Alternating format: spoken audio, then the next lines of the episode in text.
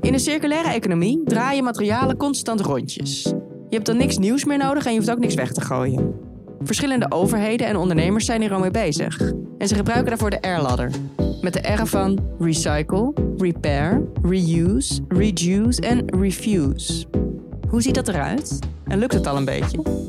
Ik ben Katja Kegenius en het afgelopen jaar zocht ik antwoord op die vragen. In deze podcast bespreek ik dat met mijn tafelgenoten Aldo en Katelijn. Vandaag Recycle.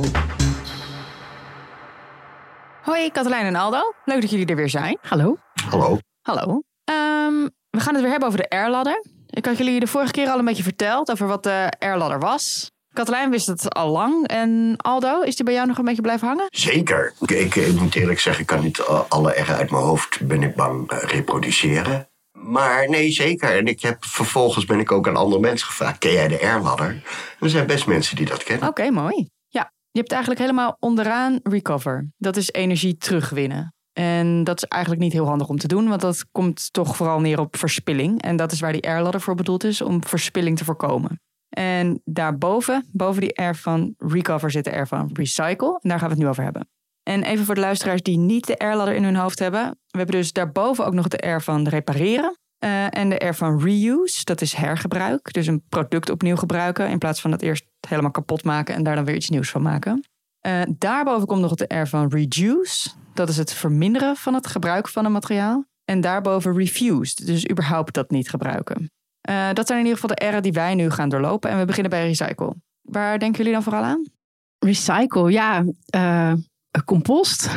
oh ja? ja, ik weet niet. Het is misschien een verkeerde associatie, maar... Nee, dat uh, lijkt me wel een goede, ja. Ja, dus je, je gooit alles op een hoop en dan wordt het iets nieuws. En dan kan je er weer wat nieuws mee doen. Ja. Ja, nou ja, of dat je je oude kleding in een bak gooit en dat zij er dan weer um, uh, matrassen van maken of zo. Ja, oké. Okay, ja, die compost is eigenlijk wel een goeie. Want uh, het probleem van recycle, daarom staat hij ook een beetje onderaan, is dat het heel veel energie kost en dat er best wel veel verloren gaat. Ja. Omdat je er vaak iets veel laagwaardigers van maakt. Maar bij compost voeg je natuurlijk geen energie toe. Dat gaat op zich vanzelf. Ja. Dus dat is eigenlijk een soort natuurlijke kringloop die al bestaat. Ja, die is wel, die is wel handig. Ja. Ja. Nou, met compost kan er ook wel van alles weer misgaan. Dat heb ik de afgelopen jaren ontdekt. Maar, het is, uh, maar als het goed gaat, dan is het, gaat het vanzelf. Heb jij een composthoop? Ik heb een composthoop, uh, maar die is dus ook al een paar keer mislukt. Dus het lijkt echt super makkelijk. Net als wat ze zeggen met broodbakken. is echt super makkelijk, maar er kan toch wel echt best wel veel misgaan. en jij, wat denk jij, Aldo? Ik denk eigenlijk aan de, aan de papierbak en de, en, en de glasbak. Ja. En uh, die er helaas nog niet is, de blikjesbak. Die hebben we toch nu? De blikjesbak? Nee, nou ja, die, die, moet je, die moet je allemaal wegbrengen. Ja, dat papier, ik, eigenlijk is dat al heel oud voor. Ja, nee, maar vroeger werd helemaal alles gerecycled. Had je ook nog de, de, de schielenboer en um, de plasemmers en uh, de, ik, toch? Ja. Al die karren door de straat had je eigenlijk helemaal geen afval. Maar is recycle dan vooral van um, je levert je glas in en ze, ze, gaan dat glas wel helemaal omsmelten en er dan weer nieuw glas van maken. Dus het is niet, dat is het, het energie slurpende eraan. Ja, met het recyclen neemt het best wel een omweg. Ja. Dan maakt het dus weer die grote cirkel waar we het over hadden. Uh, want je gooit het echt weg en dan gaat het naar de afvalindustrie. Die gaat er dan mee aan de slag. Ja. En dan ja. wordt het helemaal versmolten of verhakseld. En dan komen er weer nieuwe grondstoffen uit. Ja. Met beton en met plastic kan je ook wel best wel veel van die nuttige stoffen er weer uithalen.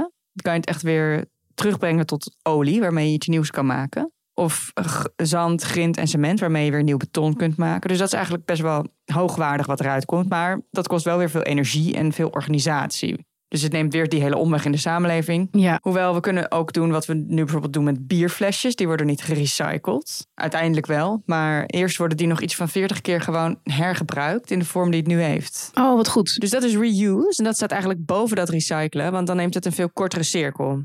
Dus dan kost het veel minder moeite, veel minder energie om dat allemaal opnieuw te gebruiken. Ja, daarom staat dat recyclen eigenlijk nog lager dan dat. Uh, ik wilde jullie als eerste fragment iets laten horen. Uh, jullie begonnen er al even over, maar ik dacht dat is niet het eerste waar je aan denkt als het over recyclen gaat. Maar dat is het, namelijk het recyclen van ons eigen afvalwater. Mm -hmm. Ook dat uit de wc. Uh, ik was in Sneek en daar is een wijkje gebouwd met 207 woningen. En al die mensen zijn, al die huizen zijn niet aangesloten op het riool. Mm -hmm. Ze hebben vacuümtoiletten. Dat is zo'n wc die je misschien wel kent uit het vliegtuig. Ja. Die gebruikt veel minder water, maar wel veel lucht. Ze hebben vacuümtoiletten. Eh, en de huizen hebben ook een keukenvermaler. Dus met zo'n groot steen waar je dingen in kan doen. En dan druk je op een Ja. knopje en dan wordt het vermalen eh, en afgevoerd. Dat hebben we in Nederland niet, dat mag ook niet. Maar in Amerika mag het bijvoorbeeld wel. En dus nu in Snake. Eh, al dat afvalwater dat komt uit samen met het douchewater en het vaatwasserwater in een zuiveringsgebouwtje. Dat staat ook in de wijk. En daar wordt al dat water dan gezuiverd en er wordt van alles uitgehaald. Dat zuiveringsgebouwtje is van Dessa. Die, eh, dat is een bedrijf dat die, eh, eh, die ehm, apparatuur ontwikkelt, die innovatie. En Siebrand Metz, de technisch directeur, liet mij daar zien wat er eigenlijk allemaal gebeurt. Het is een beetje een technisch verhaal, maar eh, ik laat het wel even horen. Je ziet hier is een, eh, een zwarte tank. Dat is een vrij grote tank, is ongeveer 8 meter hoog en je kan 40 kubieke meter afvalwater in. Hier pompen wij aan de onderkant pompen wij het zwarte water uit de vacuumtoilet en de keukenvermalers. Die pompen hier onderin. In deze tank er zit een, slipbed van allemaal bacteriën. En die zetten dat afvalwater om in biogas. Dat verbranden we aan de andere kant van deze muur in een biogasbrander. En met die warmte kunnen we de vergister op temperatuur houden. En houden we ook nog warmte over. En na de vergisting dan komt er ook water uit. Dat is, eh, heeft een heel hoge stikstofconcentratie. En nog hoge fosfaatconcentratie. En ja, die stikstof die behandelen we in dit apparaat. En hier voegen we nog een beetje magnesium aan toe. Eh, en dan ja, gaat het fosfaat dat gaat, eh, neerslaan. En het vormt zeg maar, een soort korreltjes. Eh, en die kun je dan gebruiken als meststof, bijvoorbeeld voor je tuin of op het land. In de vergister hier, daar wordt ook nog slip geproduceerd. Dat zou je ook nog kunnen gebruiken om je bodem te verbeteren op het land. Hè. Daar kijken we nu ook naar, eh, of het allemaal kan en of het allemaal eh, veilig is. En dan hebben we nog het, het grijswaterbehandelingsdeel. Hè. Dat is deze, deze blauwe bak. En dan is het zo schoon genoeg om op het oppervlaktewater te kunnen lozen. Maar wij geven het nog een extra behandeling, zodat we er nou, bijna drinkwater van kunnen maken. Dus en met dat membraan houden we alles tegen. Ja, bacteriën, virussen, eh, grote moleculen. Er zitten ook geen bacteriën meer in. Dus je zou het gewoon veilig kunnen drinken. Oké, nou, er kwam heel veel voorbij. Ik ben benieuwd, wat is eh, bij jullie een beetje blijven hangen? Of waar zijn jullie het meest over verbaasd? Nou, dat ik eh, vroeger op school wat beter had moeten opletten met scheikunde. Maar, maar ik heb wel het idee dat er iets gerecycled wordt. maar is dit een soort eh, proef? Of is dit, hoe, zeg maar, hoe komt dit wijkje tot stand? Ja, dit wijkje bestaat al sinds 2010. Dat Wie heeft heel dat lang. bedacht? Wie is dat van de gemeente? Of is er helemaal... Nou, het is een samenwerking van allerlei instituten. Ook bijvoorbeeld het Waterschap Friesland doet daar mee. Die doet ook onderzoek van wat kan je allemaal recyclen. Ja, ja, het is dus ook een soort experiment om te kijken Ja, van, van ka- kan je eigenlijk helemaal eh, va- van eh, recyclen, om, om dat toch maar even zo te noemen, ka- kan je daar een woongemeenschap van mee in stand houden? Ja, zij houden de stroom eigenlijk heel dichtbij. Kijk, normaal in onze riolering gaat alles eh, het riool in. En daar komt dan nog regenwater bij. En ook nog heel veel drinkwater. Eh, zodat al die stofjes die erin zitten, worden dan vermengd met heel veel water en andere stoffen. Hm. Dat maakt het best wel moeilijk om het allemaal weer schoon te maken. Het lukt allemaal wel, maar daar is best wel veel energie voor nodig. En lang niet alles wordt er weer uitgehaald. Lang niet alle nuttige stofjes halen zuiveringsinstallaties er nu uit. Ehm, nou, dat gebeurt dus wel eh, in dit zuiveringsgebouwtje. Een stuk beter en ook een stuk efficiënter met minder energie. Juist omdat ze die stromen dus allemaal apart houden. Eh, dus wat bijvoorbeeld uit de toiletten en uit die keukens komt, dat, uit die vermaler, uit de gootsteen, dat wordt apart gehouden. Dus daar zit eigenlijk heel weinig water bij. Dat is een heel geconcentreerde stroom. Daardoor kan je er van alles uithalen. Fosfaat, maar bijvoorbeeld ook stikstof. Hm. Eh, over stikstof was ik, was ik ook een beetje verbaasd. Maar natuurlijk, dat komt niet alleen ehm, uit koeien, maar ook uit ons. Hm. En normaal wordt dat nu eh, eruit gehaald en wordt het omgezet in gas. Dan gaat het gewoon de lucht in. Maar kan het ook nog omzetten in een soort ehm superpokon, noemt, eh, noemt hij dat dan. Oh, dan heb je eigenlijk, ehm, zeg maar, als je, met als je aan het composteren bent, of het probeert in elk geval, dan heb je zo'n soort. Ja, ik, ja, er is een woord voor wat ik ben, even ben vergeten, maar dan onderin de bak komt een soort magisch eh, goedje. Eh, Dat is echt een soort. Dat is de- een beetje de superpokon. En als je daar je plantjes water mee geeft, dan worden ze echt heel gelukkig. En daar, daar doet dit me dan ook aan denken. Ja, Maar in, wa- wat ik me eigenlijk afvraag is, wat betekent het voor de bewoners? Merken die er wat van eh, in hun eh, de, in hun manier van wonen. Moeten die zich heel erg aanpassen? Ze gaan dingen heel anders. Want daar gaat het natuurlijk uiteindelijk om. Want de mensen moeten het doen. Niet, niet een paar wetenschappers. Dus ik vraag me af, vergt dit een grote aanpassing van mensen? Of, eh? Nou, volgens mij niet. Er zijn uh, veel grotere projecten ook hiermee gaande. Ook in Gent en in Zweden, in Helsingborg. En dat zijn veel grotere projecten. Er worden ook nog grotere projecten gebouwd voor echt 10.000 woningen. En die halen daar dus ook echt drinkwater uit. Dus daar zijn ze in Sneek ook mee aan het experimenteren. Uh, om te kijken of ze dat water schoon genoeg kunnen krijgen dat je het ook kunt drinken. Nou, dat kan eigenlijk al, zeggen ze, technisch. Maar dat past nog niet helemaal in onze samenleving, in ons systeem. Want er zijn natuurlijk, en dat spreekt ook voor zich, best strenge regels over hoe schoon water moet zijn. Voordat je het kunt leveren. Maar het water dat hier uit dit zuiveringsgebouwtje in Snee komt, is in, ieder, is in ieder geval schoon genoeg om de plantjes water te geven in de buurt. Mm. En eigenlijk zou het ook gebruikt kunnen worden als huishoudwater. Dat zou dan een soort nieuwe categorie zijn die we in Nederland moeten introduceren. Je kunt drinkwater leveren aan huizen, maar misschien kun je in de toekomst dan ook huishoudwater leveren. Te douchen of zo. Om te douchen en voor de vaatwasser en de wasmachine, dat soort water. Om de wc door te spoelen. dat is eigenlijk het grootste deel van het water dat je gebruikt. Dat, dat hoeft helemaal niet zo schoon te zijn als drinkwater eigenlijk. Ja, en dat kun je dus dichtbij houden. En als je het dichtbij houdt, wat zij ook doen, dan kun je dus van alles eruit terugwinnen. Dus ook fosfaat en energie. En wat je ook kunt terugwinnen is uh, warmte. Mhm. Dat blijkt een hele grote winst uit dit project. Dat hadden ze niet van tevoren voorzien. Maar uh, al het water wat uit je vaatwasser komt, uit je wasmachine, uit je douche, is natuurlijk best wel warm. Um, dus wat wij het riool insturen is warm water. Als je dat water dus dichtbij houdt en dan kun je met een warmtewisselaar, ik weet niet precies hoe dat werkt, hmm. maar dan kun je de warmte aftappen en gelijk weer terugsturen naar die huizen. Ja. En dan heb je dus minder energie nodig om je huis te verwarmen. Ja. Maar, maar is er, want jij zei net ook bijvoorbeeld in Gent, nou dat is best een redelijke stad. Dat ze daar ook met de hele wijk. Maar, maar is dit bijvoorbeeld ook iets wat je, ik noem maar wat hoor, in Amsterdam of Rotterdam of Utrecht zou kunnen introduceren? Of, of, of het is een, want dan moet je een heel systeem gaan ombouwen. Of, of is dat alleen voor nieuwe wijken. Dat je ze op deze manier bouwt. Ja, dat is wel een beetje een probleem waarom het nog niet zo snel gaat. Die riolering die wij hebben, die ligt er al. En dat vervang je niet zomaar. Dus uh, je kan een vacuümtoilet trouwens wel best goed op een normaal riool aansluiten. Maar dan verlies je weer alle voordelen uh, van dat je dingen apart afvangt. Ja. Want dan gaat het uiteindelijk gewoon nog steeds door dat hele grote rioleringssysteem waar we het net over hadden. En dan maakt het eigenlijk weer die grote omweg, wat eigenlijk dus het nadeel is van, uh, van recyclen. Uh, dus inderdaad, vooral voor nieuwbouwwijken is dit handig. Uh, het wordt ook wel, in Amsterdam heb je zo'n wijk, Buiksloterham, in, in Noord. En dat is best wel een innovatieve, duurzame wijk. Ze hadden ook het idee om echt honderden woningen aan te, een vacuümtoilet te geven. En ook dat op te vangen en ter plekke te recyclen, te, te zuiveren. Um, dus warmte en energie en fosfaat eruit te halen. Zoals ook in Sneek gebeurt. Hm. Uh, dat zou dan met een drijvend grondstoffenstation, noemen ze dat dan, uh, gebeuren. Nou, dat grondstoffenstation is er wel gekomen, maar die woningen hebben niet allemaal een vacuümtoilet gekregen.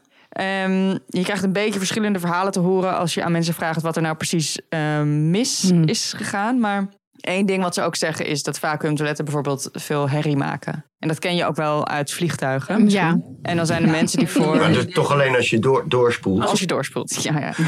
Je kan ook nog composttoiletten doen. Ja, composttoiletten kan ook. Ja. Ja. Een soort dicties. Nee, ja, maar dan, nou ja, maar dan met, met een mooi. Meestal maken ze dan wel een mooi huisje van met zaagsel en zo. Dat is, ik vind het wel. Ja, heb nou een paar keer op campings gestaan met composttoiletten. Ik vond het helemaal niet stom. Nee, ik ook niet. Echt, ik vond het minder stom dan een gemiddeld campingtoilet eigenlijk. Ja. Mijn kinderen dachten er anders over, maar ik vond het wel prima. Zeker. En het zou dus... Ja, zo'n composttoilet, dat is ook... Ik zou er ook wel voor kiezen, maar dat is denk ik minder makkelijk om in te voeren in de hele samenleving dan zo'n vacuümtoilet. Ja. Want uh, op het kantoor waar ik was, bij die Siebrand Met, die had zelf ook een vacuümtoilet. En die zei nou, sommige mensen gaan hier naar de wc en die hebben niet eens door dat het nee. dat is. Nee. Dus dat lijkt gewoon heel erg op een normale wc. Ja. En de herrie valt inmiddels ook wel mee. Uh, dus de waterschappen in Amsterdam zeggen ook dat ze hier wel uh, nog mee doorgaan met die vacuüm. Ja, top. Dus er komen nog vacuüm. Ja, ik vond wel, ik vond wel, ik heb ooit eens een paar jaar geleden stond ik op een camping in de Vogezen, um, waar alles helemaal circulair was. En, um, en ook omdat je voor die tent zit, kan je dat allemaal soort live in de gaten hoe dat allemaal werkt. Je hebt toch niks te doen, dus je zo alles. Dus zij hadden die moestuinen aan de rand van de camping. En uh, s'avonds kon je het eten eten uit die moestuinen. En dan heb je die composttoiletten en die werden geleegd.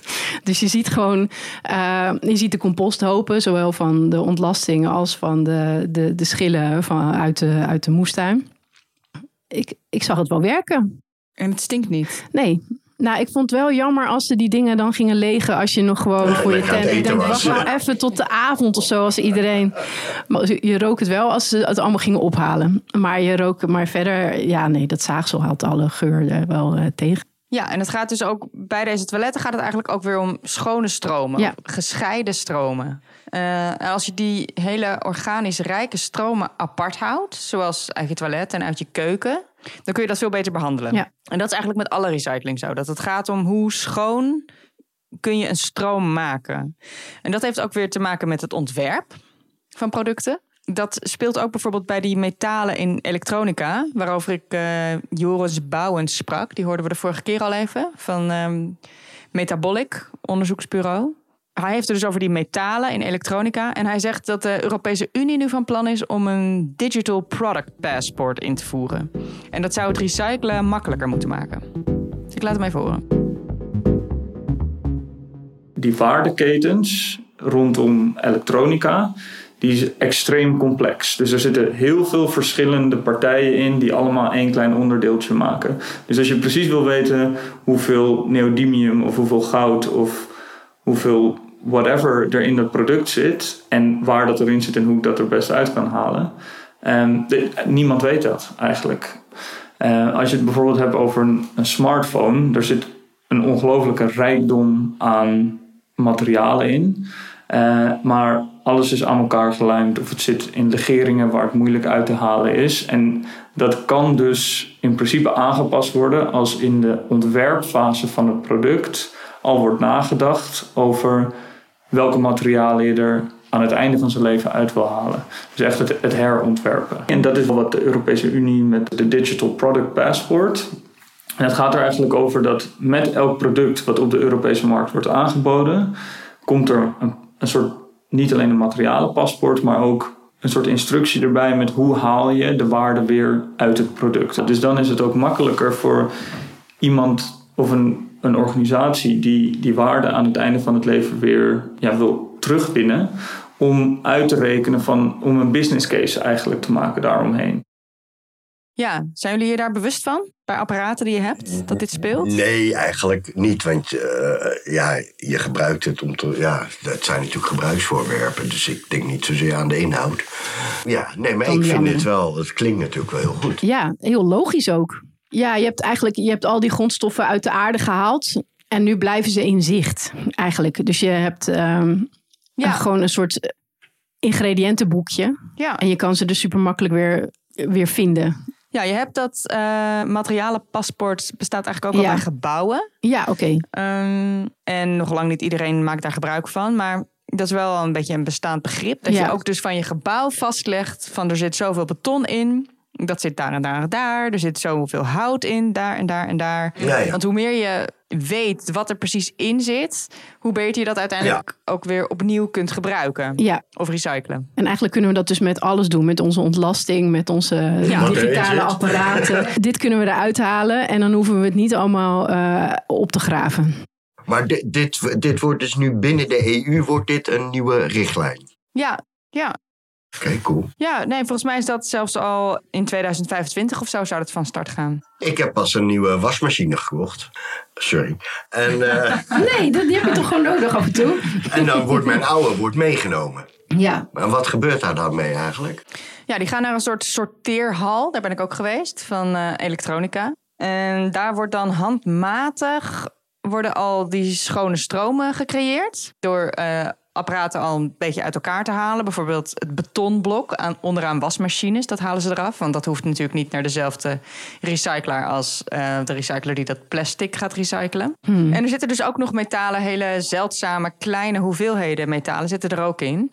Die zouden dus eigenlijk ook weer apart naar een metalenrecycler moeten. Dus dat wordt al gerecycled, mijn oude wasmachine? Ja. Oké. Nou ja, als je hem op de goede manier inlevert. Maar dat heb je dus wel gedaan. Nou, Nou kijk, als je normaal een metaal... Coolblue heeft hem gewoon meegenomen. Ja, nou ja, volgens mij is Coolblue... Volgens mij moeten zij dat goed doen. Ja. Nee, dus in principe gaan alle elektronica naar bepaalde sorteerlocaties. En die zitten door het hele land, behalve als je het aan een metaalboer verkoopt. Want die haalt alleen het metaal eraf. Het grote metaal, zeg maar. En die, heeft, eh, die doet niet zoveel met de rest, met die kleine metalen. Maar die grote sorteerhallen proberen dat in elk geval wel zo goed mogelijk. Eh, maar nog steeds zijn juist die hele kleine zeldzame metalen... die zijn echt heel moeilijk te recyclen. Hm. Dus dat lukt lang niet altijd. En daar komen er wel steeds meer van. Want eh, juist die kleine metalen zitten in steeds meer apparaten. Je Ja. hebt bijvoorbeeld ook eh, nu steeds meer apparaten die je op afstand kunt besturen. Zoals draadloze oortjes. Die hebben eh, zuiverdere metalen nodig om hun opdrachten te kunnen uitvoeren. Dus daar zitten eigenlijk waardevollere metalen in. Ja. Hoewel ze eigenlijk ook sneller kapot gaan. Want die accu die gaat op een gegeven moment Ja. eh, is die gewoon op. Ja, ik vond dat wel bizar. Want eigenlijk, ik heb een paar jaar geleden een nieuwe wasmachine gekocht. En ik had helemaal niet zo goed opgelet bij het kopen. Maar die, ik, die kan ik dus gewoon aansluiten op de wifi. En mijn wasmachine. En die zou ik ook in principe, als ik hem zou aansluiten op de wifi... zou ik vanaf hier eh, mijn wasmachine thuis aan kunnen zetten. Met mijn telefoon. En dat had je liever niet. Nee, dat is toch natuurlijk een totaal onzinnige aanvulling van dat hele apparaat. Ik had gewoon een wasmachine moeten kopen waarin die chip niet zat. Dit is gewoon toch onzin. Je hebt nu draadloze oortjes met draadjes, zodat je je oortjes niet kwijtraakt. Denk ik, ja, zijn we nu helemaal terug bij af. Dus heel veel technologie is ook niet echt nodig. Maar dat is dan weer re- reviews eigenlijk. Ehm, dat- Ja, bij- in elektronica zeiden ze ook. Er zijn zoveel dingen ineens een elektrisch apparaat geworden. Hij zei ook, er zijn bijvoorbeeld ook luiers nu met een sensor erin. Nee. Ja, incontinentieluiers met een sensor, zodat in oude bewonershuizen op tijd mensen merken dat de luier vervangen moet worden. Nou ja, er zijn natuurlijk allerlei redenen waarom dat handig is, maar zij waren er niet blij mee. Want ze krijgen dat nu ook binnen als elektronica. Nou, en nog even verder over recycling. Waar het ook mee gebeurt, al in Nederland best wel, is kleding. Dus kleding recyclen. En ik sprak erover ook met Kiki Hagen. Zij is Kamerlid van D66 en zij hield zich daar de laatste tijd eh, mee bezig met dat textiel. Met de kringlopen circulair maken. En ze had allemaal mensen uitgenodigd uit die keten om in Den Haag dan te vertellen bij een ronde tafelgesprek wat hun allemaal in de weg zat. Dus ik laat haar even horen. Er komt best wel veel voorbij als ik haar vraag wat er dan in de weg zit, maar dat zullen we daarna nog wel even bespreken. Is natuurlijk mooi dat er dan aan zo'n tafel een hele keten zit. Degene die eh, produceren tot en met degene die dus helemaal weer circulair het maken. Maar ook de inzamelaars. Dus al die stappen in die keten zaten daar vertegenwoordigd. En dat zijn allemaal nog kleine spelers. Eh, op het mondiale probleem natuurlijk helemaal speldenknopjes. Maar ze zitten daar wel. En ze laten ook zien wat er dus nodig is. En ja, dat is natuurlijk fantastisch. Ja. En wat zijn dan de grootste problemen waar ze tegenaan lopen? Ja, nou de, de veelgehoorde is natuurlijk waarom belasten wij arbeid zoveel zwaarder dan eh, grondstoffen? Nou, dat is natuurlijk terecht. Als je naar een circulaire economie wil, dan eh, wil je primaire grondstoffen zoveel mogelijk belasten. Want je wil voorkomen dat je steeds maar nieuwe grondstoffen neemt uit de aarde. eh, en zoveel mogelijk opnieuw gaat gebruiken. Dat is er één. Ehm, maar ook bijvoorbeeld eh, eh, bedrijven die van textiel weer garens willen maken, die hebben moeite bijvoorbeeld om een eh, verzekering aan te gaan. Want textiel is natuurlijk super brandbaar. Dus als je dat wil laten recyclen, dan moeten ze en eerst al zelf een fabriekje opbouwen, dus helemaal vanaf nul. Dat kost enorme investering. Eh, en daarvoor heb je ook weer verzekeringen nodig. En daar zien ze bijvoorbeeld, daar lopen ze dan heel vaak al tegenaan dat ze die verzekering niet krijgen. De noodzaak om circulair te worden en wat er voor nodig is in de huidige financiële systematiek en de lineaire economie, ja, daar lopen zij tegenaan. Dat zie je. En dat, dat zit hem daarin. Het zit hem in het afschrijven van waarde. Het zit hem in dat afval afval heet en geen grondstof, waardoor ze problemen hebben, bijvoorbeeld door het over de grens te brengen. Maar je ziet bijvoorbeeld ook dat de recyclaars er tegenaan lopen dat de meter van bijvoorbeeld CO2-uitstoot of de impact op milieu wordt gemeten vanaf het moment dat de grondstof op de kade hier in Nederland gezet wordt. Maar als je in Nederland daadwerkelijk een grondstof ophaalt bij mensen thuis of bedrijven thuis, je neemt het terug naar je bedrijf, je gaat het recyclen, dan begint de meter dus al te lopen vanaf het moment dat ze het ophalen. Dus zij kunnen nooit opboksen met hun gerecyclede materialen tegen een primaire grondstof die hier in Nederland aan de kade gezet wordt. Ja, nou, dat waren dus best wel wat dingen. Waren er dingen die je niet begreep of waar je juist wel op aansloeg? Nee, dat klinkt wel. ehm, Ik vind het wel een heel mooi voorbeeld van wat uh, overheidsbeleid zou kunnen betekenen om het deze producenten makkelijker te maken. Ja. En dat je daar ja, als overheid een enorme rol in kan vervullen. Dus deze producenten lopen tegen beleidsmuren op. Die Ja. je volgens mij kan oplossen. Ja. Zeg dat goed? Ja, maar dat is ook juist bij dit voorbeeld niet alleen de overheid die dat hier in de hand heeft. Zij noemt ook, ehm, dat is een beetje boekhoudkundig. Daar kun jij misschien nog iets over zeggen, Aldo. Want jij bent boekhouder van ons kantoor. Oh ja, ja, ja. ja.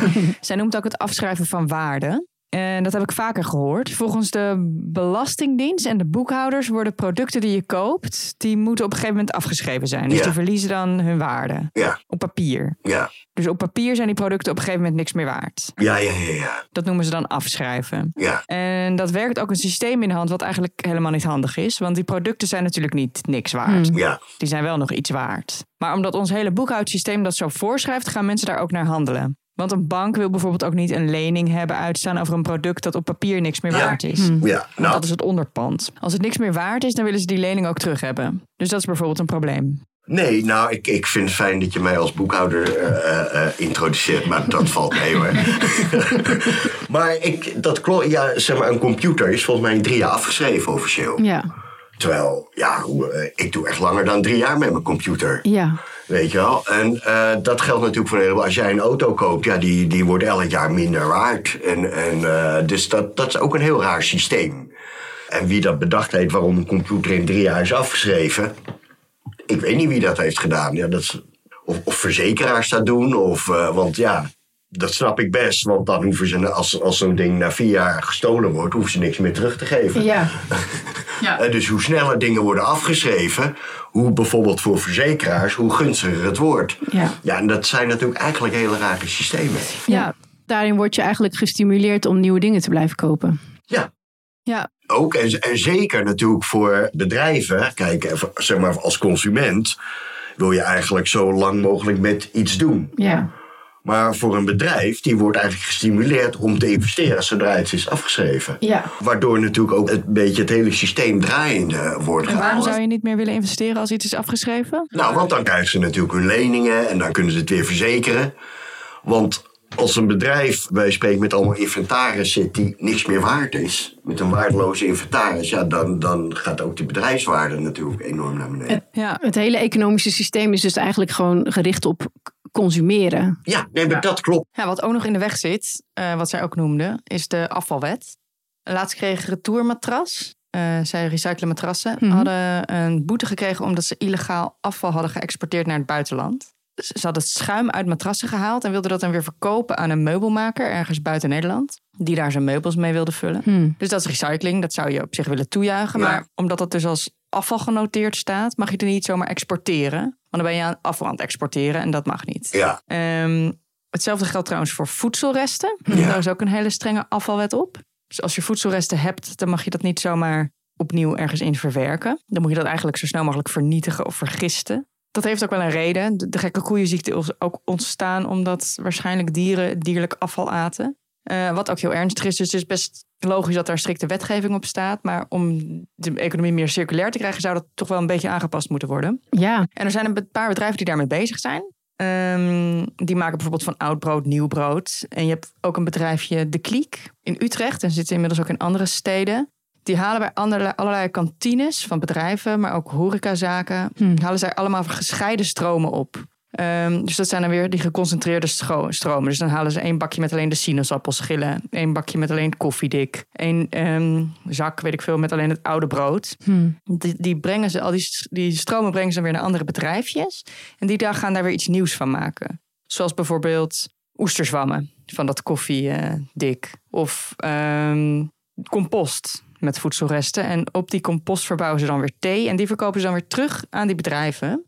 Eh, ik ben ook geweest bij een drijvende boerderij. Dat heet The Floating Farm in de Rotterdamse haven. Het is een soort boot eigenlijk waar allemaal koeien op staan. Oh, te gek. En die maken ook dat cirkeltje rond van eh, snijresten en voedselresten uit kantines van allerlei overheidsorganen, zoals Hm. de Belastingdienst. Dat wordt opgehaald, dat wordt door die koeien verwerkt. En eh, dan wordt het weer terugverkocht in de vorm van melk bijvoorbeeld aan die bedrijven, aan die kantines. Dat is een soort trucje. Als je mm, iets niet weggooit, maar als je het laat verwerken, tot een nieuw product of een verwerkt product en het dan weer terugneemt, dan is het dus nooit afval geweest. Want dan blijft het van jou. Uh, dat noem je dan voortgezet gebruik. Dus dat is als je dat cirkeltje helemaal rondhoudt bij jezelf, kan je dus eigenlijk een beetje de afvalwet omzeilen. Ik laat jullie even horen, ik was bij de Floating Farm. Dit is ons circulaire voedselplein. Hier collecteren wij alle reststromen uit de stad. Die zijn heel erg geselecteerd, die reststromen. Dus wij weten precies wat zit er in welke reststroom. Hoeveel vitamines, hoeveel vezels, hoeveel mineralen, hoeveel vetten. En daar combineren wij mee het voedselpatroon voor de dieren. Dus als voorbeeld, uh, nou, ik weet niet wat we allemaal hebben. Nou, uh, alsjeblieft. Dit komt allemaal uit de stad. Brood. Dit is brood. Dit is echt super vers brood. Wat de bakker s ochtends om 4 uur bakt en s middags om 4 uur niet verkocht is, dat moet naar de verbrandingsoven. Nu. En, en, en nu krijgen wij dat dus. Uh, nou, dit is uh, een mooi voorbeeld. Ik zal uh, niet noemen van wie dit komt. Maar, maar, drie dagen geleden is dit aangekomen. We hebben ongeveer uh, 2000 kilo gekregen. De eerste 1000 ligt al voor het hek. Tot 5 januari houdbaar. Dat krijgen wij op 3 januari. Uh, duizenden kilo's uit de stad waar allemaal nog nutriënten in zitten, als mineralen, ijzer, vitamines, vezels, vetten, verbranden we. Dit verbranden we. Dit gaat iedere dag naar de verbrandingsoven. Nee, zegt ook Wageningen, dat is onzin. Je moet zorgen dat je die mineralen en die vetten en die vezels opwaardeert naar nieuwe eiwitten die weer naar de maatschappij teruggaan. Dus wat wij doen, wij collecteren allerlei reststromen uit de stad, combineren we naar voedselstromen en de koeien gaan naar de koeien toe en zij waarderen dat weer op naar eiwitten die weer teruggaan naar de stad. Als voorbeeld, wij, krijgen, wij werken met de Spar samen eh, en ook met de Plus. Uh, daar persen ze sinaasappelsap. Die schillen gaan naar de afval toe, nu niet meer. Die komen naar ons toe, gaan naar de koeien, die maken er weer eiwitten van. En die melk gaat weer terug naar de spar. Dat is precies wat we met de Belastingdienst ook doen. We krijgen het keukensnijafval van de Belastingdienst en de rechtbank. Daar maken wij melk en zuivel en yoghurt van. En dat gaat weer terug naar de Belastingdienst. Ja. Dat is de circulariteit van de stad. Ja. Uh, die zakjes die je trouwens hoorde knisperen, dat zijn uh, zakjes spinazie. Die worden dus ook verbrand, zegt hij. Nou, is dit handig, vinden jullie, dit systeem? Nee, dit is echt helemaal niet handig. Ja, sorry, maar zuivel is echt niet. Uh, ja, die, die mag er best wel uit, natuurlijk. Dat hebben we helemaal niet nodig. Dus ik vind het wel fijn dat er iets met die sinaasappelschillen gebeurt. En dat is te gek. En dat moeten ze vooral blijven doen. Maar ja, die, die, ja, die koeien die mogen we, wat mij betreft wat anders gaan doen dan melk geven. Kijk, ik vind het dus wel ontzettend cool dat dit soort initiatieven bestaan. Ja. Dat, dat, dat, dat er gewoon uh, mensen zijn en die opstaan en die zeggen van ja luister, we, we, er is overal zoveel restafval en alles wordt maar weggegooid en weet ik veel. Kunnen we daar niet iets mee doen? Ja. is natuurlijk, als je het even zeg maar, macro-economisch bekijkt, hè, dan is het allemaal natuurlijk super kleinschalig. En waar we het toen net over hadden, dat je tegen beleid oploopt. Je had het over, die, hè, over dat schuim, wat dan, eh, want daar wou ik nog even iets, iets over zeggen als mag. Dat zijn natuurlijk ook allemaal, kijk, dat zijn nieuwe initiatieven. En een beleid is gemaakt op basis van zoals het was. En er ontstaan dus nieuwe initiatieven. En ik snap best dat je, uh, dat er beleid is gemaakt dat je niet zomaar afval mag exporteren, want dat is gewoon slecht. Hmm. En, en, en, dat daar nu iets anders mee gedaan wordt. Maar ja, daar, daar, zijn de, daar is de wetgeving nog niet op ingericht. Dus, en dat gaat natuurlijk stapje voor stapje. En, en dan, wetgeving moet zo snel mogelijk daar worden ingericht. En misschien is dat ook wel EU-wetgeving. Hmm. Dat je bepaalde dingen uh, waarvan gezegd wordt, nou dat is uh, uh, economisch nuttig. Of dat is voor de recycling, dat je daar dan een uitzondering. Of dat je daar een nieuwe wet, of weet ik veel. Maar ja, dat, zeker op, op, op Europees niveau, ja, dat kan jaren duren voordat er weer een, een nieuwe wet is. Ja. Want je zit met allemaal belangengroepen en je zit met dit en met dat en blablabla. Weet je, nou, en dat maakt het allemaal zo ingewikkeld. En ze, het, het gaat natuurlijk ook steeds sneller nu die. Ja, en wat kijk, dan die circulaire economie. Eh, dat is, daar vind ik het ook leuk om hier aan mee te doen. Want ik begrijp wel dat er enorm veel initiatieven zijn overal. En dat, gaat, dat, dat stimuleert elkaar natuurlijk ook. Hè. Dus dat, dat, dat wordt steeds groter en er komen steeds nieuwe dingen. Maar die lopen ook steeds meer tegen oud beleid. Ja, en ze laten het wel zien. Dat is vooral het nut van het bedrijf, ja, van zo'n bedrijf, denk ik nu. Ze laten ja. zien waar ze tegenaan lopen, zodat we daar iets aan kunnen gaan doen. Het kan wel. niet heel snel misschien, maar... Het kan wel voor, voor bewustwording zorgen. Ja, bewustwording. Dat is ook vooral wat die eh, Floating Farm doet. Die geven echt heel veel rondleidingen aan kinderen en bezoekers. ja. Ehm, ja, dat is wel tof. maar als je het via die airladder bekijkt, zou je eigenlijk eerder moeten proberen die afvalstromen te verminderen.